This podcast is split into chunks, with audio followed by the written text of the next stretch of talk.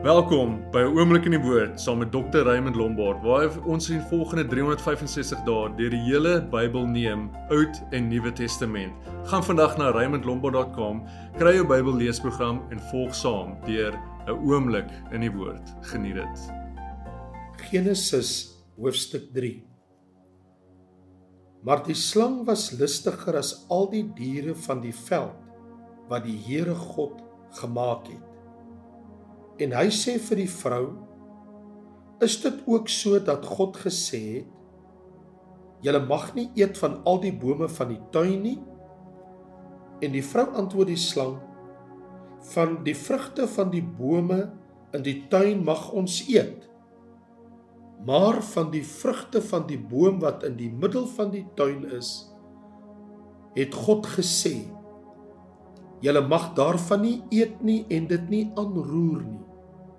Anders sal julle sterwe.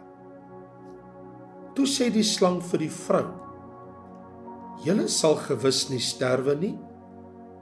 Maar God weet dat as julle daarvan eet, julle oë sal oopgaan sodat julle soos God sal wees deur goed en kwaad te ken. Toe sien die vrou die boom goed was om van te eet en dat hy 'n lus was vir die oë ja 'n boom wat 'n mens kan begeer om verstand te verkry. En sy neem van sy vrugte en eet en gee ook aan haar man by haar en hy het geëet. Toe gaan albei se oë oop en hulle word gewaar dat hulle naak is en hulle het vye blare aan mekaar gewerk en vir hulle skorte gemaak. En hulle het die stem van die Here God gehoor terwyl hy wandel in die tuin in die aand wyntjie. En die mens en sy vrou het hulle verberg vir die aangesig van die Here God tussen die bome van die tuin. Toe roep die Here God na die mens en sê vir hom: "Waar is jy?" En hy antwoord: Ek het u geruis gehoor in die tuin en gevrees, want ek is naak. Daarom het ek my verberg. En hy sê: Wie het jou te kenne gegee dat jy naak is? Het jy geëet van die boom waarvan ek jou beveel het om nie te eet nie? En die mens antwoord: Die vrou wat U my gegee het om by my te wees, sy het my van die boom gegee en ek het geëet. Daarop sê die Here God aan die vrou: Wat het jy nou gedoen? En die vrou antwoord: Die slang het my bedrieg en ek het geëet. Toe sê die Here God aan die slang: Omdat jy dit gedoen het, is jy vervloek onder al die vee en al die diere van die veld. Op jou buik moet jy seil en stof moet jy eet al die dae van jou lewe. En ek sal vyandskap stel tussen jou en die vrou en tussen jou saad en haar saad. Hy sal jou die kop vermorsel en jy sal hom in die hakskeen byt. Aan die vrou het hy gesê: Ek sal grootliks vermeerder jou moeite en jou swangerskap. Met smart sal jy kinders baar en na jou man sal jou begeerte wees en hy sal oor jou heers. En aan die mense het hy gesê: Omdat jy geluister het na die stem van jou vrou en van die boom geëet het waarvan ek jou beveel het om nie te eet nie. Vervloek is die aarde om jou ontwil. Met moeite sal jy daarvan eet al die dae van jou lewe. Ook sal dit vir jou dorings en distels voortbring. En jy sal die plante van die veld eet. In die sweet van jou aangesig sal jy brood eet totdat jy terugkeer na die aarde want daaruit is jy geneem want stof is jy en tot stof sal jy terugkeer. En die mens het sy vrou Eva genoem omdat sy moeder geword het van alles wat lewe. En die Here God het vir die mens en sy vrou rokke van vel gemaak en hulle dit aangetrek. Toe sê die Here God: Nou het die mens geword soos een van ons deur goed en kwaad te ken. As hy nou maar nie sy hand uitsteek en ook van die boom van die lewe neem en eet en lewe in ewigheid nie.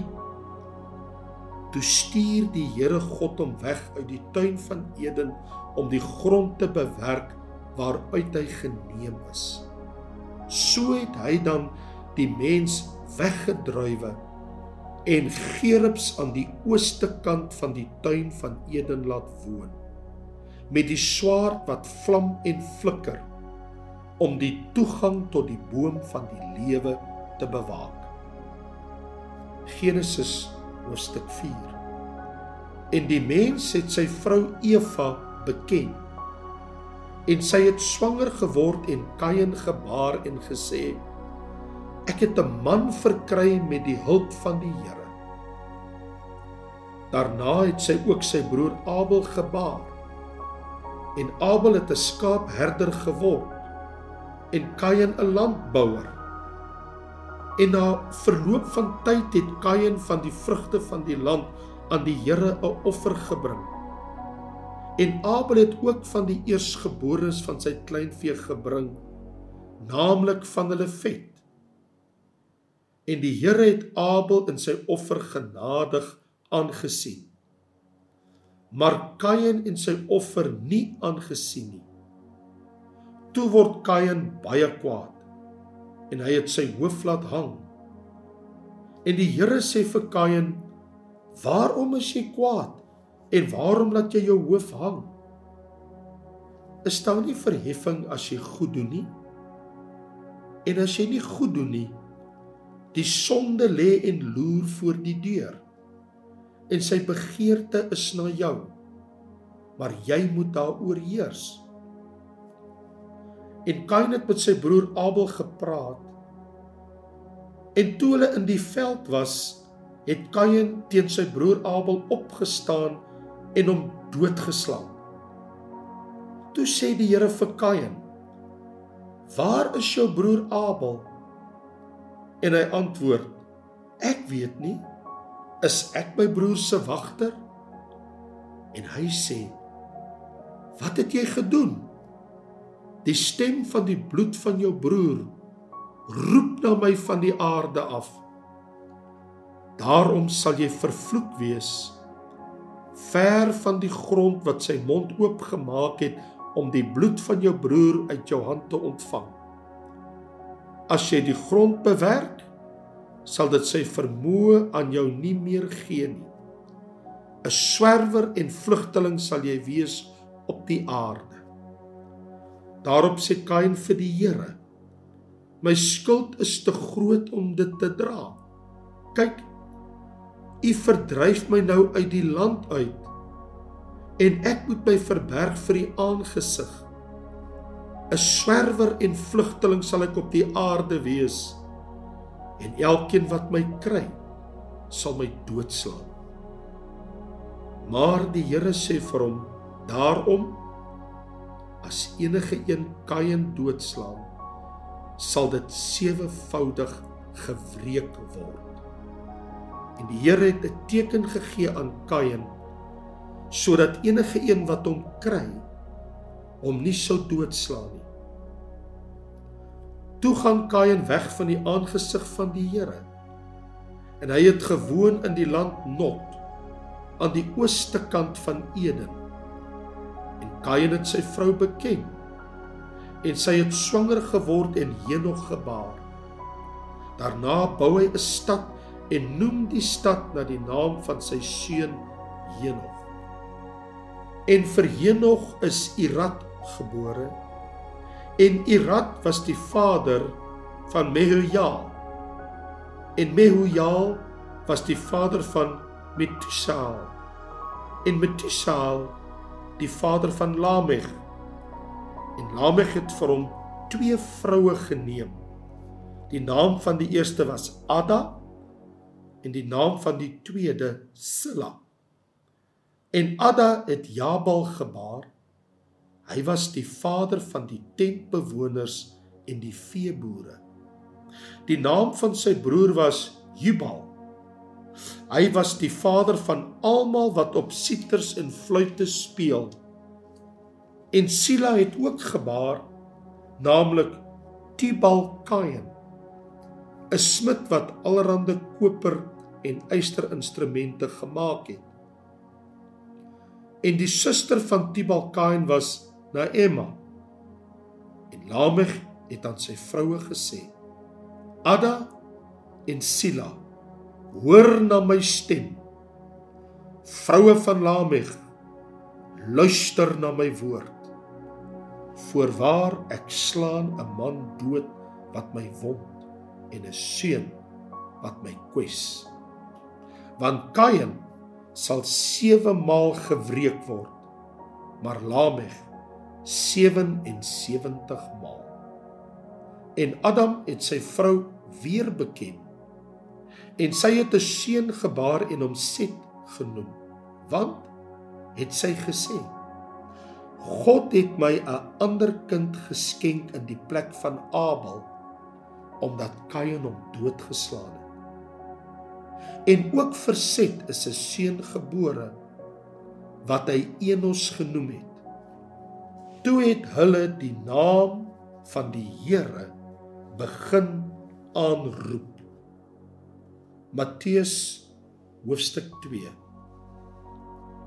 En toe Jesus te Bethlehem in Judea gebore is in die dae van koning Herodes, het daar wyse manne uit die ooste in Jerusalem aangekom en gesê: Waar is die koning van die Jode wat gebore is?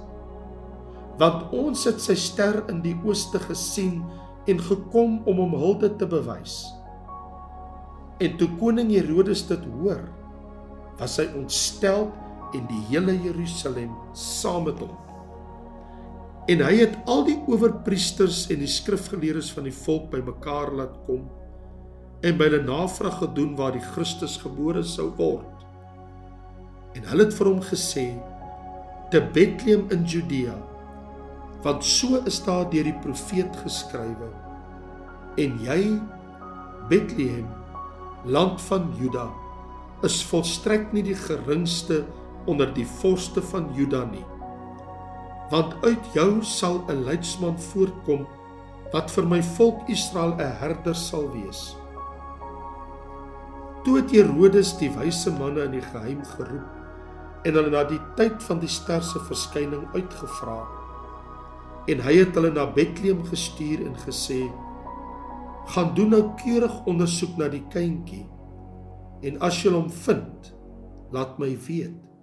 sodat ek ook kan gaan en hom hulde bewys. En nadat hulle die koning aangehoor het, het hulle vertrek.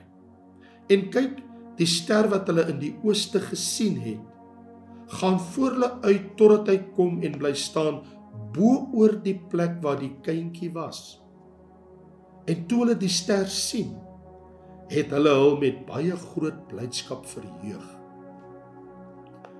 En hulle het in die huis gegaan en die kindjie by Maria, sy moeder, gevind en neergeval en hom hulde bewys. Daarop maak hulle hulle skatte oop en bring vir hom geskenke: goud en wierook en mirre. En omdat hulle in 'n droom 'n goddelike waarskuwing ontvang het om nie na Herodes terug te keer nie, het hulle met 'n ander pad na hulle land teruggegaan. En toe hulle teruggegaan het, verskyn daar 'n engel van die Here in 'n droom aan Josef en sê: "Staan op. Neem die kindjie en sy moeder en vlug na Egipte en bly daar totdat ek jou sê, want Herodes gaan die kindjie soek om hom dood te maak." En hy het toe opgestaan die kindjie en sy moeder in die nag geneem en na Egipte vertrek. en hy was daar tot die dood van Herodes sodat die woord vervul sou word wat die Here gespreek het deur die profeet uit Egipte het ek my seun geroep.